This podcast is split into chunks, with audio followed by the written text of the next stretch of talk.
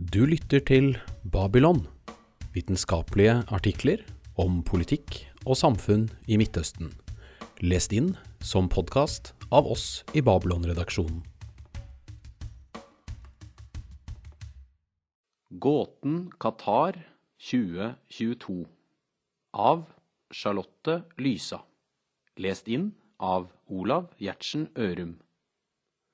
Da Fifa i 2010 uventet annonserte Qatar som vertsnasjon av VM i fotball i 2022, ble verdens oppmerksomhet umiddelbart rettet mot den lille ørkenstaten. Det autoritære emiratet fremsto som et av de mest usannsynlige vertslandene for det enorme arrangementet, og søknaden om å få holde fotball-VM nærmest som et PR-stunt. Planene var svært ambisiøse, og ett spørsmål dukket raskt opp. Hvorfor? Qatar var på dette tidspunktet ukjent for den jevne europeiske fotballsupporter. Det lille emiratet, på størrelse med et gjennomsnittlig norsk fylke, har i overkant av 2,5 millioner innbyggere, hvorav kun rundt 10% er qatarske statsborgere. Minst av alt var Qatar kjent som en fotballnasjon. Landet ligger på 95. plass, plassen under krigsherjede Libya på Fifas rangering, og har aldri selv kvalifisert seg til VM. Den lokale ligaen er på sin side mer kjent for å betale europeiske spillere for å avslutte karrieren i landet, enn for å utvikle lokale talenter. Det fremsto derfor nærmest som en gåte hvorfor Qatar ønsket å ta på seg det enorme ansvaret med å være vertsland for et megaarrangement som fotball-VM faktisk er. I et forsøk på å løse gåten Qatar 2022 vil jeg i denne artikkelen gå i dybden på Qatars fotballengasjement og utviklingen eh, fotball i Qatar har hatt de siste årene. Jeg har benyttet meg av en rekke tilgjengelige dokumenter som Fifas Bid Evaluation Report og Qatar National Vision 2030, samt intervjuer eh, gjennomført under et feltarbeid i Qatar vinteren 2015. De intervjuede er på forskjellige måter tilknyttet institusjoner som er involvert i Qatars sportsengasjement. Disse har bidratt til å belyse hvor omfattende fotballengasjementet er, samt i hvilken grad det er styrt av myndighetene. Videre vil jeg plassere fotball-VM 2022 og utviklingen av fotball i Qatar i en lokal, historisk og politisk kontekst, og diskutere hvordan Qatar 2022 kan forstås i lys av en rekke andre grep gjort de siste 20 årene som reformer i utenrikspolitikken, opprettelsen av Al-Jazeera og voldsomme investeringer i Europa. Fotball i Qatar et tre uten røtter. I 2006 gjennomførte Fifa en undersøkelse blant de 207 nasjonale fotballforbundene med medlemskap i Fifa for å kartlegge utviklingen av fotball på verdensbasis. Tallene for Qatar viser at det på dette tidspunktet var 6556 registrerte fotballspillere i landet. Til sammenligning kommer det frem at fjorårets vertsnasjon for fotball-VM, Brasil, i 2006 hadde 2 141 733 registrerte fotballspillere. Qatars lave befolkningstall tatt i betraktning er det forventet at antallet spillere er lavt. Sett i sammenheng med innbyggertall kommer de likevel ikke bedre ut av det, med tre registrerte spillere per 1000 innbygger. Mot f.eks. Sør-Afrikas 30 eller Tysklands 78. Undersøkelsen viser videre at Qatar hadde 16 registrerte fotballklubber i 2006, og siden den gang har det kommet til to nye. Av disse 18 spiller 14 i førstedivisjon, Qatar Stars League. Og hele ni av de totalt 18 lagene ble stiftet etter at Qatars forrige emir, Hamad Athani, kom til makten i 1995. Selv om elementer som sterkt, sterk økonomisk vekst har spilt inn på utviklingen, er det vanskelig å påstå noe annet enn at utviklingen av fotball i Qatar i mye større grad er styrt av en elite enn grasrota. Ikke minst ettersom hele 10 av 18 lag har en styreformann som heter nettopp Athani til etternavn. Det gjør også den regjerende familien. Interessant er det også å merke seg at det ikke er noe i veien for at alle 18 lagene spiller i samme divisjon. I engelske Premier League er det f.eks. 20 lag. En mulig forklaring er at det ser bedre ut i en VM-søknad med to nasjonale ligaer heller enn én. Utfordrende er det også at befolkningen, og særlig den qatarske, uteblir fra lokale fotballkamper. Arbeidsmigranter, flertallet lavtlønnede, utgjør om lag 90% av det allerede lave innbyggertallet. Det må derfor antas at en stor andel av tilskuerne under VM 2022 vil være tilreisende. I tillegg er altså ikke qatarere særlig interessert i å være tilskuere. Nyhetsbyrået Al Arabiya meldte i 2013 at én en ensom tilskuer var til stede under oppgjøret mellom Al-Gharafa og Al-Kharaitiyet i den qatarske ligaen. Under vinterens håndball-VM så Qatar seg nødt til å fly inn en gruppe spanske supportere for, for å heie på det qatarske laget, mot Spania.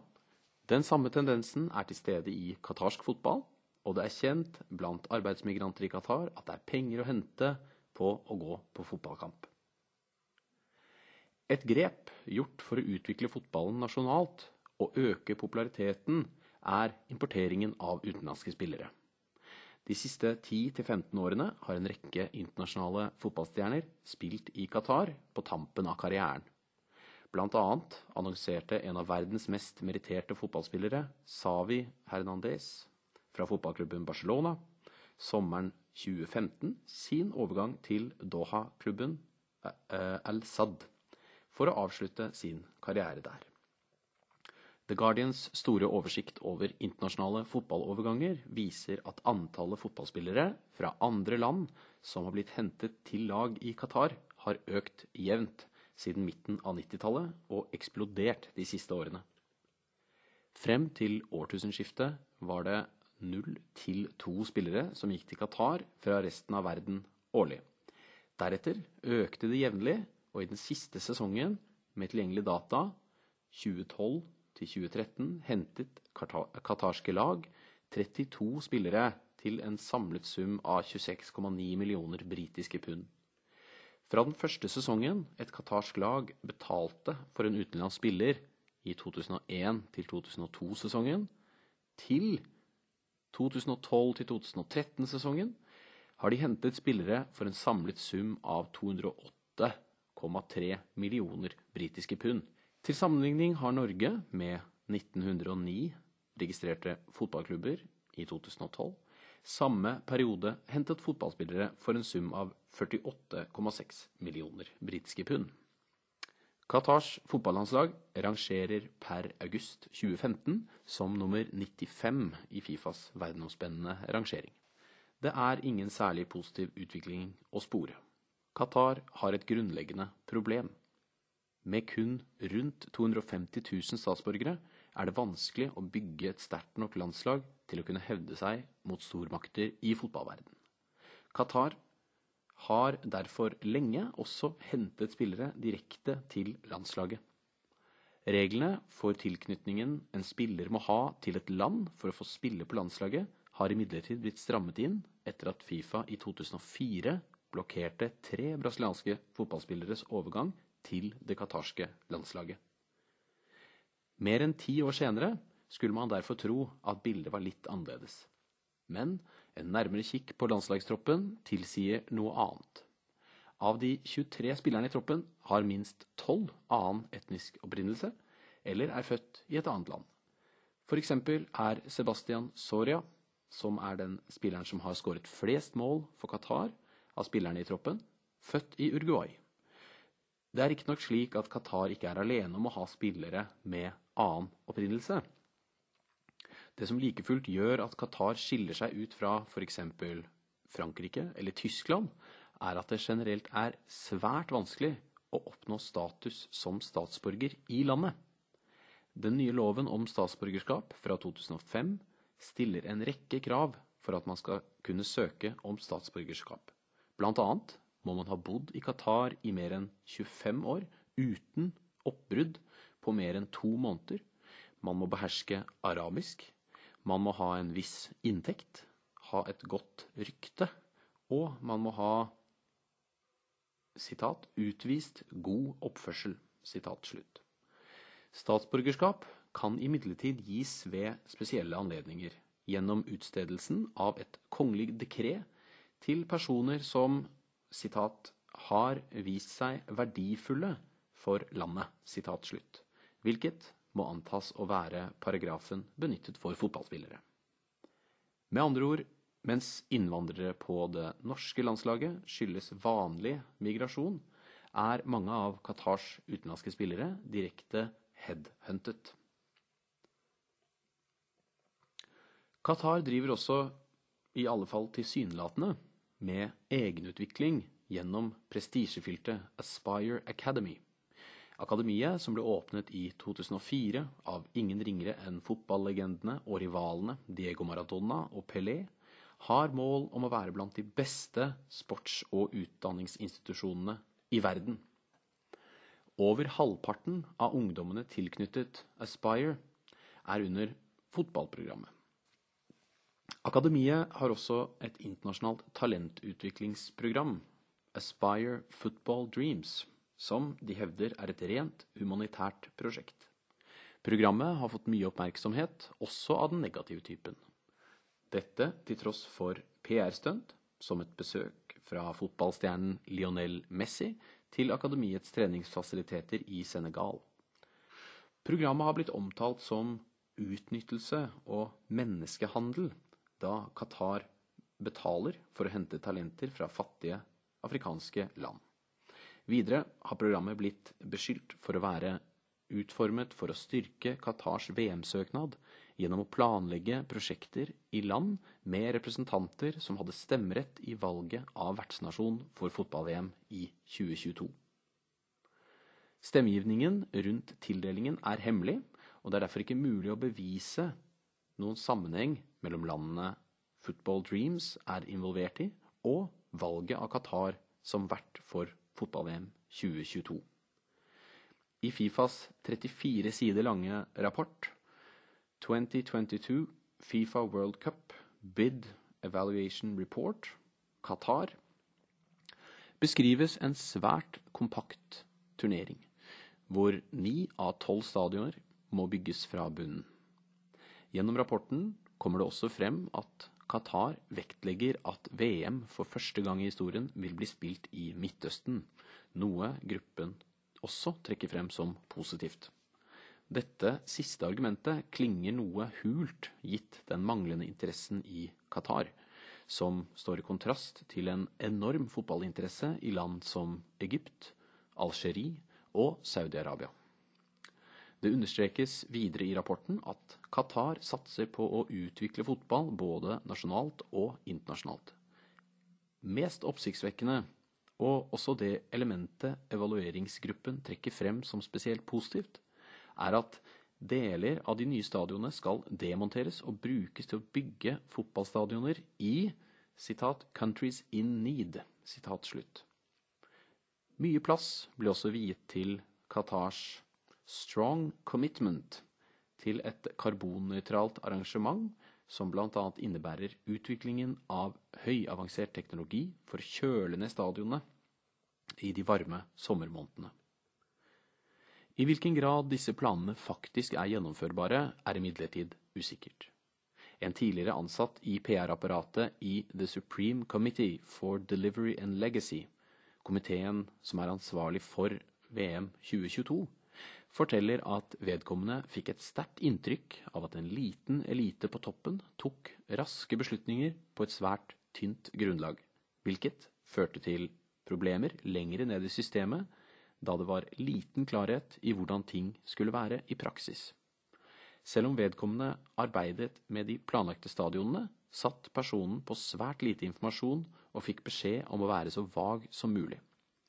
Hver gang det ble levert et utkast, kom det tilbake med beskjed om å være mer uklar. Sitat I had to be as ambiguous as possible. Sitat slutt. Personen mente at de skrev om stadioner som enda ikke var bygget, med teknologi som ennå ikke var oppfunnet, og at ingen heller visste hvordan dette skulle gjennomføres i henhold til de ambisiøse løftene som var gitt. Det samme inntrykket hadde vedkommende av planene om at deler fra stadionene skal brukes til å bygge opp 22 fotballstadioner i utviklingsland etter mesterskapet. Sitat What countries are supposed to receive these stadiums? Who will disassemble them? And further, who will reassemble them? Local workers or workers provided by Qatar? Who will oversee this whole process? And not to mention the rebuilding on the new locations. This is just parts of the stadiums they are talking about. So who will finance the remaining parts? No one knows the answer to these questions. The stadiums will not be sustainable, even though that's what they claim. If someone knew how they were going to do it, they sure did not tell me, who was the one writing the brochures. Sitat slutt. Selv om VM er det desidert største arrangementet Qatar har blitt tildelt hittil, har de vært vertsnasjon for Asiamesterskapene i bl.a. håndball 2004, basketball 2005, fekting 2009 og fotball 2011, samt Asialekene i 2006. Landet arrangerer også stjernespekkede årlige turneringer i bl.a. tennis og golf, samt et årlig sykkelritt. Qatar har også søkt om å være vert for sommer-OL det eneste sportsarrangementet større enn fotball-VM, to ganger på rad, i 2016 og i 2020. I tillegg har Qatar blitt tildelt verdens tredje største sportsarrangement, friidretts-VM, som vil finne sted i 2019. Og var nylig vertsland for VM i svømming, og deretter VM i herrehåndball. Mot all forventning tok Qatar sølv etter å ha tapt mot Frankrike i VM-finalen i håndball, med et landslag bestående av en majoritet av utenlandske spillere fra bl.a. Bosnia-Hercegovina, Spania, Frankrike og Montenegro. Engelskspråklige Doha News presenterte nylig en oversikt som viser at Qatar vil være vertsland for i snitt syv større sportsarrangementer hver måned fra april 2015 til mars 2016, hvilket illustrerer omfanget av Qatars sportsengasjement. Fotball-VM 2022 skiller seg likevel ut. Det er svært mye større enn noen av de andre arrangementene Qatar hittil har blitt tildelt, hvilket også budsjettet gjenspeiler. I tillegg skiller fotballengasjementet seg ut med stor satsing på talentutvikling både hjemme og ute, enorme investeringer i lokal liga samt investeringer i fotball internasjonalt, for å nevne noe. Et sentralt poeng er også at tidligere arrangerte sportsarrangementer er et av kriteriene Fifa vurderer i et lands søknad om å få være vertsnasjon for VM. Innsatsen for å utvikle fotballen i landet frem mot tildelingsprosessen levner ingen tvil om at VM er høyt prioritert hos myndighetene. Det er også sannsynlig at muligheten for å være vertsnasjon for VM har vært drivkraften bak innsatsen lagt i utviklingen i sport, og spesielt fotball. Interessen uteblir hos befolkningen. Samtidig er engasjementet fra regimets side enormt og planene voldsomme. Landet vil gjennomgå kolossale strukturelle utbygginger innenfor bl.a. infrastruktur for å dekke kravene for at et megaarrangement som fotball-VM i det hele tatt er gjennomførbart. Dette kommer på toppen av initiativer som enorme investeringer i lokal liga, importering av spillere, etableringen av Aspire Academy og overstadige investeringer i fotball internasjonalt. Er regimet rett og slett ihugga fotballfans, eller kan det være noe annet som ligger bak? Stormannsgalskap eller politisk strategi? Da sjeik Hamad bin Khalifa Athani tok makten fra sin far i et ikke-voldelig kupp i 1995, overtok han et lite land som var relativt ukjent utenfor regionen. Landet var omgitt av til dels aggressive naboer som Saudi-Arabia, Irak og Iran, alle med betydelig militær kapasitet. Invasjonen av Kuwait hadde for alvor tydeliggjort de små gulfstatenes sårbarhet. Etter Gulfkrigen oppsto det en disputt mellom Qatar og Saudi-Arabia rundt grensene mellom landene, og i 1992 brøt det ut kamper. Frykten for Saudi-Arabia ble ytterligere styrket da det mektige nabolandet støttet Hamad Thanis avsatte far, og angivelig sto bak et kontrakuppforsøk i 1996. Qatar satt igjen med en reell frykt for at Saudi-Arabia ønsket å annektere den qatarske halvøya. I tillegg til de potensielle militære truslene mot Qatar, var landets økonomi totalt avhengig av de store reservene av ikke-fornybare energikilder. Oljeprisen var på dette tidspunktet fallende og fortsatte å synke frem til 1998, hvilket aktualiserte behovet for differensiering av økonomien og utenlandske investeringer. Selv om Qatar har et av verdens høyeste bruttonasjonalprodukt, krevde den sikkerhetsmessige og økonomiske situasjonen som landet befant seg i, en politisk nytenkning, men uten at endringene skulle gå på akkord med den politiske stabiliteten som trygget regimets posisjon ved makten. En rekke reformer ble initiert, bl.a. satsing på kultur, utdanning og store investeringer i utlandet. Etableringen av TV-kanalen Al Jazeera som raskt festet seg som en viktig kilde til usensurerte nyheter fra Midtøsten, ble et av de viktigste grepene tatt av den nye emiren. I tillegg ble store ressurser lagt i å reformere landets utenrikspolitikk. Qatar har de siste to tiårene bedrevet svært offensiv og til tider tilsynelatende motstridende utenrikspolitikk, og pleiet bånd til både USA og Iran, Israel og Hamas, i tillegg til Taliban, for å nevne noen.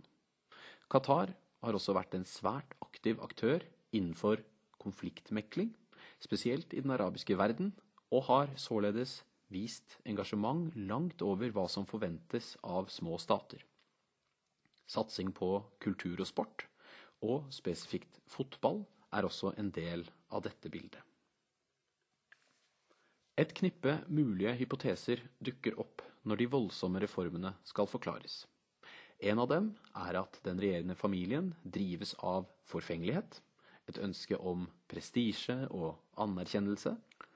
Tanken er at Qatar motiveres av et slags kappløp mot de andre gulfstatene om å bygge den høyeste bygningen eller arrangere det mest spektakulære arrangementet, at emirfamilien til en viss grad drives av forfengelighet er vanskelig å avvise.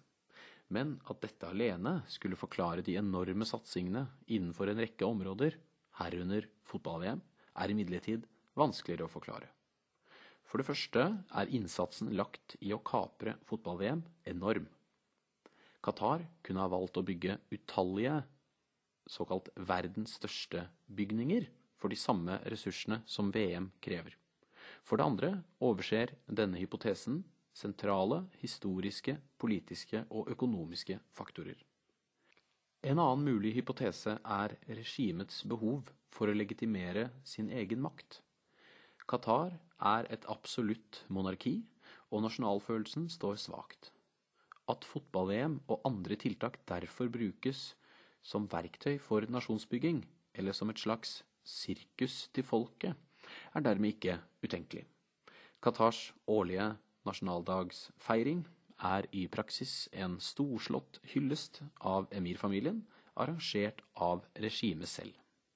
at VM-finalen i 2022 er lagt til Qatars nasjonaldag 18.12., er ikke tilfeldig, og taler for at regimet ønsker å bruke arrangementet til å styrke sin egen posisjon.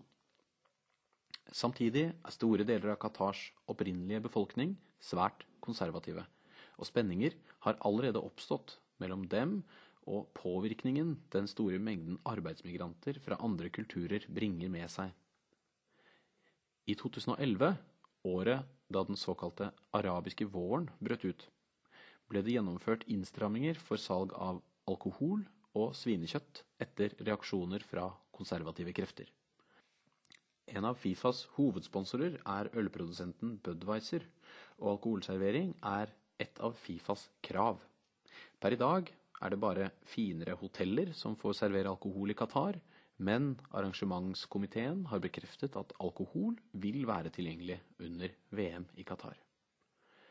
En annen mulighet er at arrangementet er økonomisk motivert. Qatar sitter på verdens tredje største reserver av naturgass, og er verdens største eksportør av denne. Den petroleumsbaserte delen av økonomien utgjør nesten 50% av det totale bruttonasjonalproduktet.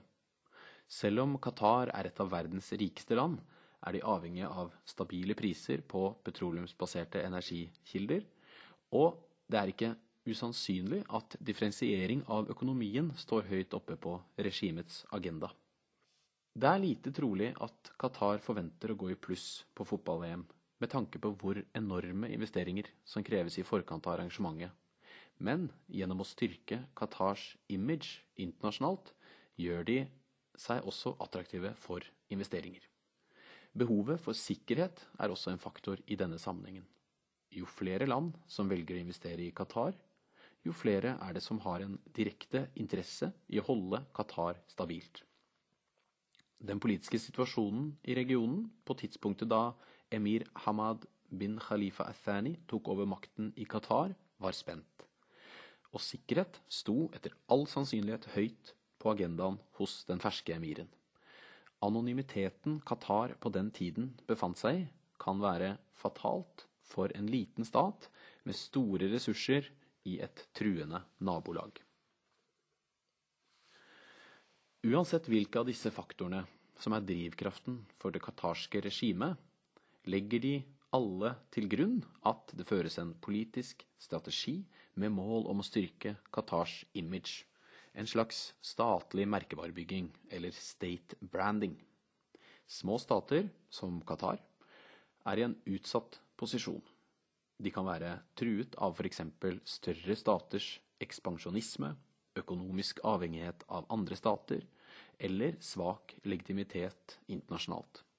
Selv om Qatar og mange andre små staters eksistens ikke er truet på kort sikt, er det nødvendig å utvikle en strategi som sikrer dens legitimitet også på lang sikt. En brandingstrategi kan være et svar på slike utfordringer.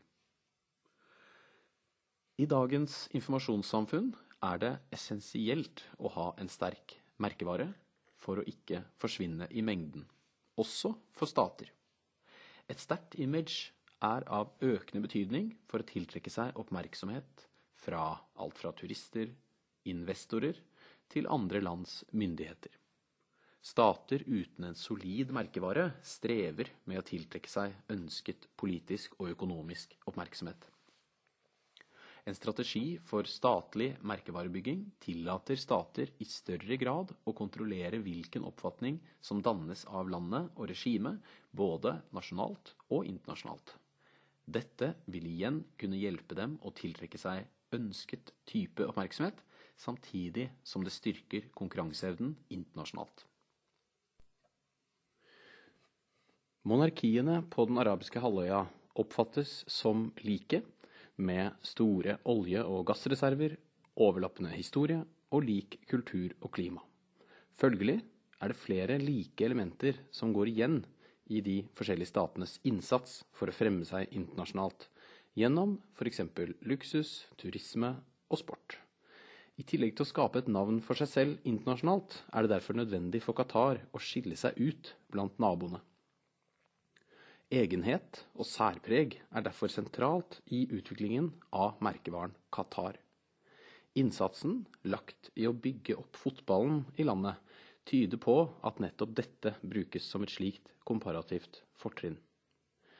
Nåværende emir, Tamim bin Hamad Thani, har gått langt i å bekrefte at denne strategien både finnes og er sentral i qatarsk politikk.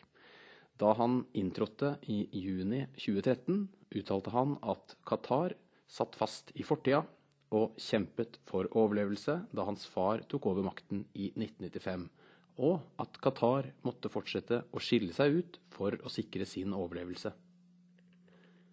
Videre applauderte han farens innsats med å transformere Qatar fra citat, a country that some people could hardly locate on the map, to a principal actor in politics, economics, media, culture and sports at a global level. Slutt. Og roste med det farens merkevarestrategi og omfanget av denne. Fotball i merkevarebyggingen. Det finnes ingen tvil om at fotball-EM har satt Qatar på kartet. I en årlig verdensomspennende undersøkelse som tar for seg lands gjenkjennelighet, eller merkevare, Country Brand Index, har Qatar gjort et formidabelt hopp fra plass nummer 70 til nummer 24 fra 2010 til 2014. Om det er utelukkende positivt, er imidlertid et annet spørsmål. Og kontroversene som kom i kjølvannet av tildelingen av fotball-VM, har utvilsomt bidratt til å fokusere på negative omstendigheter. Tildelingen har også bidratt til å tiltrekke seg oppmerksomhet fra menneskerettighetsorganisasjoner og kritisk media. Om målet er å knytte positive assosiasjoner til Qatar, er det da betimelig å sette spørsmålstegn ved om strategien er vellykket. Likevel, som erfaringer fra arrangementer som OL i Sotsji eller fotball-EM i Sør-Afrika viser, er ofte omtalen mest kritisk i tiden opp mot arrangementet. Sør-Afrika var i 2010 det første afrikanske landet som var vertsnasjon for fotball-VM, hvilket gjorde at forventningene til arrangementet var ekstra høye, og at mediedekningen var stor allerede lenge før mesterskapet startet. Mediefokuset var i stor grad på negative konsekvenser som rasisme, kriminalitet og økonomiske utfordringer. Omtrent helt frem til arrangementet fant sted, verserte det historier om konsentrasjonsleirer for gatebarn, og media stilte spørsmål ved om arrangementet i det hele tatt kunne gjennomføres. Sør-Afrika hadde derfor mye å bevise, og det var et uttalt mål for VM-komiteen å endre oppfatninger om Sør-Afrika og resten av Afrika, og at Besøkende dro hjem igjen med et positivt inntrykk av landet. I tillegg kom ambisjoner om langsiktige gevinster i form av økt turisme og investeringer. Arrangementet ble, som det ofte blir til tross for spekulasjoner i forkant om det motsatte, gjennomført med stor suksess. Sør-Afrika besto testen med glans, og man satt igjen med et positivt inntrykk fra mesterskapet. Det rådet enighet blant alle samfunnslag om at arrangementet bidro til å samle nasjonen og bygge en felles nasjonal identitet. Samtidig fikk Sør-Afrika en unik sjanse til å vise seg frem på en global scene. Fotball-VM 2010 var det mest sette sportsarrangementet noensinne. VM bidro til å endre inntrykket av landet. Merkevaren Sør-Afrika radikalt i løpet av måneden som turneringen varte. I ettertid har det vært bred enighet blant de involverte om at mesterskapet bidro til å sette Sør-Afrika på det globale kartet, og at arrangementet lyktes i å gi et positivt inntrykk av landet i det internasjonale samfunnet. Det er mer som skiller Sør-Afrika og Qatar enn som forener dem. Mens Sør-Afrika sliter med bl.a. høy kriminalitet og arbeidsledighet, mangel på tilgang til bolig og utdanning og høy forekomst av hiv, har Qatar et av verdens høyeste bruttonasjonalprodukt per innbygger og en relativt homogen befolkning. Likevel forenes de to landene på viktige punkter i denne sammenheng. Sør-Afrika var en svært svak merkevare, eh, i stor grad preget av oppfatninger om regionen, Afrika, og ikke av Sør-Afrika selv. Dette førte igjen med seg en rekke negative merkelapper som konflikt, fattigdom og helseutfordringer. Dette må kunne sies også om Qatar, som for de aller fleste vekker assosiasjoner først og fremst til et land i Midtøsten, og dermed videre til krig, konflikt og terror. Eller som et gulfland med assosiasjoner til oljerikdom og praktisering av svært konservativ islam. Den aktive utenrikspolitikken har vært viktig for å bygge merkevaren Qatar. Det har også nyhetskanalen Al Jazeera og enorme, ofte symbolske, investeringer i utlandet for å nevne noe. Men det store internasjonale gjennombruddet til Qatar kom imidlertid i 2010, da Qatar over natten gikk til å være på alles lepper. I skrivende stund pågår det en etterforskning av korrupsjonsanklagene rundt tildelingen av fotball-VM 2022. Og selv om nyvalgt Fifa-president Gianni Infantino har uttalt at arrangementet vil gjennomføres som planlagt, er det vanskelig å konkludere før etterforskningen er ferdig. Qatar har, som de selv har vist, politisk vilje til å gjennomføre arrangementet, også på tross av store kontroverser. Hvis så skjer, får de vist seg frem på en av verdens største scener. TV-dekningen av fotball-VM i 2010 nådde hele 3,2 milliarder mennesker, eller 46,4% av verdens totale befolkning. Den enorme, toppstyrte innsatsen det lille landet har lagt i å bygge seg opp som en fotballnasjon på svært kort tid, levner ingen tvil om at fotballengasjementet er en del av en målrettet politisk strategi. Politikken regimet har ført siden midten av 90-tallet, bærer tydelig preg av et ønske om å bygge merkevaren Qatar for å posisjonere landet internasjonalt. Fotball-VM fremstår som kronen på verket. Qatar har, om noen, ressurser til å snu det negative bildet som er tegnet av landet i kjølvannet av tildelingen, og om arrangementet skulle bli en suksess, og hvordan verden vil huske fotball-VM i Qatar 2022, og om det i det hele tatt gjennomføres, gjenstår å se. At fotball-VM har styrket Qatars synlighet i det internasjonale samfunnet, er uansett ubestridelig. Du hørte Gåten Qatar 2022 av Charlotte Lysa. Lest inn av Olav Gjertsen Ørum. Hvis du vil høre mer fra Babylon, så kan det være lurt å trykke på abonner. Da blir du varslet så fort en ny podkastepisode blir tilgjengelig. Det er også flere måter å få tak i den trykkede utgaven av Babylon der du vil kunne finne relevante illustrasjoner og fotnoter som har blitt utelatt i lydsporet. Utgaven fås kjøpt i de fleste Narvesen-butikker, eller du kan bli abonnent via nettsida vår på tidsskriftet babylon.no. Da får du tidsskriftet rett hjem i postkassa. I tillegg er alle våre artikler tilgjengelig helt gratis som PDF på nettet. Takk for nå. Vi høres igjen snart.